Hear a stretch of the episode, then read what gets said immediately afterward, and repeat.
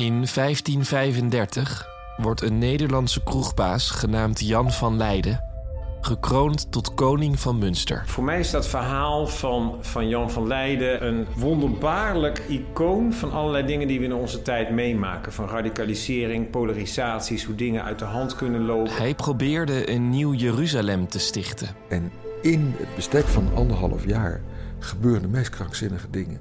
En er is heel duidelijk een escalatie zichtbaar. Want het einde der tijden is nabij. Ja, eigenlijk is de stormloop op de hemel die ze, die ze in de zin hebben. Maar om die nieuwe wereld te brengen, moet eerst de oude wereld worden vernietigd. In deze podcastserie ga ik op zoek naar het ware verhaal van Jan van Leiden. Het begint met, een, met enorme hoop.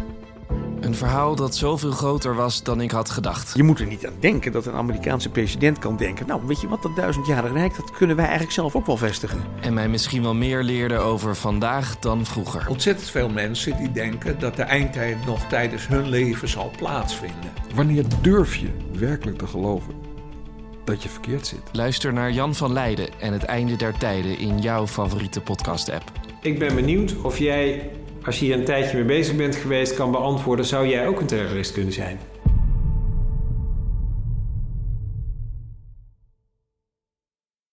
Dag luisteraar. Kan jij nou nu al geen genoeg krijgen van het verhaal van Jan van Leiden?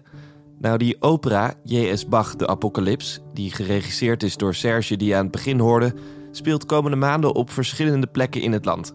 Een prachtige manier om dit verhaal tot leven te zien komen. En ik ben zelf ook helemaal niet de grootste opera-liefhebber, maar deze productie vond ik gewoon echt geweldig. En daarom vind ik het ook zo leuk om deze podcast te maken. Kijk op operatoday.nl/slash Bach of klik de link in de beschrijving.